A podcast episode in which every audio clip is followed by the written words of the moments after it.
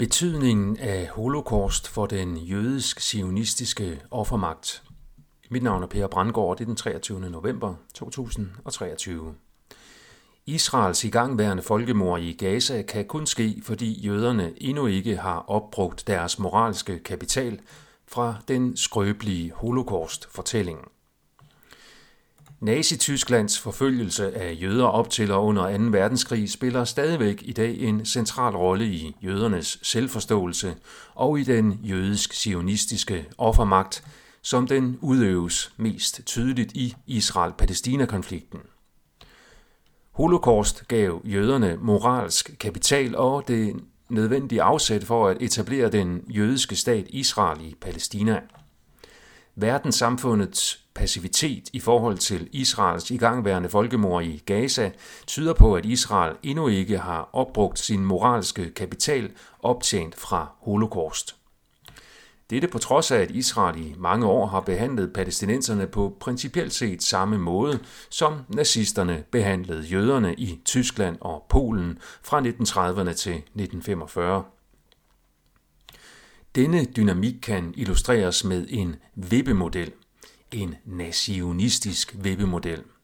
Så længe Nazi-Tyskland bliver opfattet som mere onde end Israel, og så længe holocaust bliver opfattet som en større tragedie end Israels overgreb på palæstinenserne, så bevarer Israel tilstrækkelig moralsk kapital til at fortsætte den nutidige krigskriminelle undertrykkelse i Palæstina. Det er derfor afgørende for Israels fortsatte offermagt, at historien om holocaust bliver holdt i live. Denne dynamik er også vigtig for at opnå en dybere forståelse af, hvordan fænomenet kontrolleret opposition fungerer i moderne politik.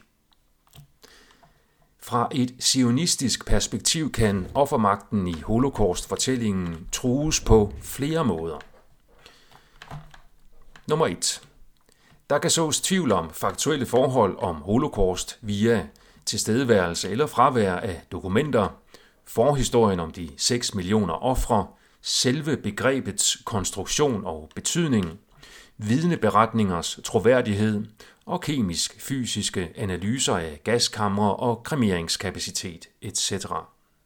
En hver kritik af den type, eller simpel efterlysning af faktuel evidens, skal derfor hurtigt slås ned som holocaustbenægtelse.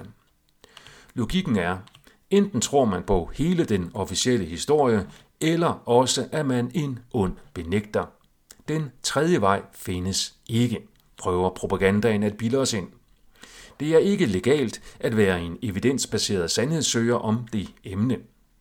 I flere eller civiliserede lande kan man sågar i dag komme flere år i fængsel for at ytre sig kritisk om holocaust. Nummer 2. Holocaust kan sammenlignes med endnu større folkemord i historien, hvoraf det største formentlig er europæernes folkemord på indfødte amerikanere, de såkaldte indianere.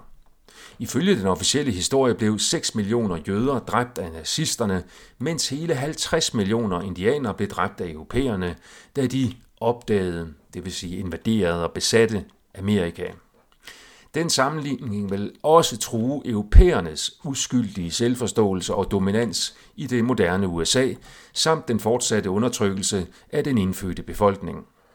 Det er derfor tabu at tale om folkemordet på de indfødte amerikanere. Det er også tabu at tale om, hvem der stod for kidnapningerne, transporterne og salget af slaver fra Afrika til Amerika. Nummer 3.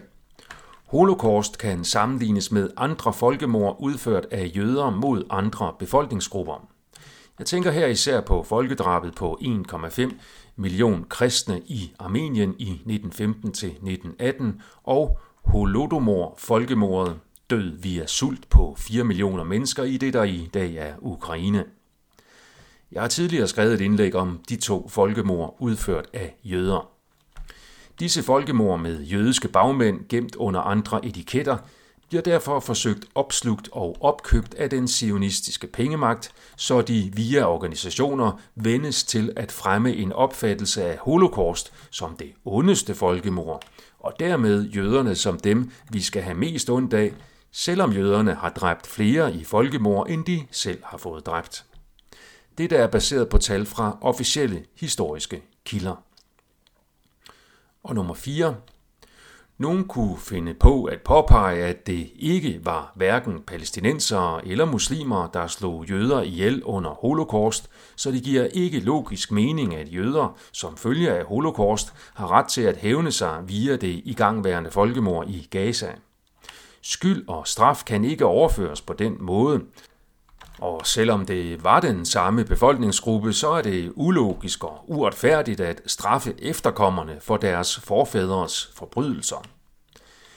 Denne form for logisk tænkning skal derfor imødegås ved straks at blive stemplet som hadefuld antisemitisme, så fokus igen bliver rettet tilbage på jøderne som ofre og ikke som mordere.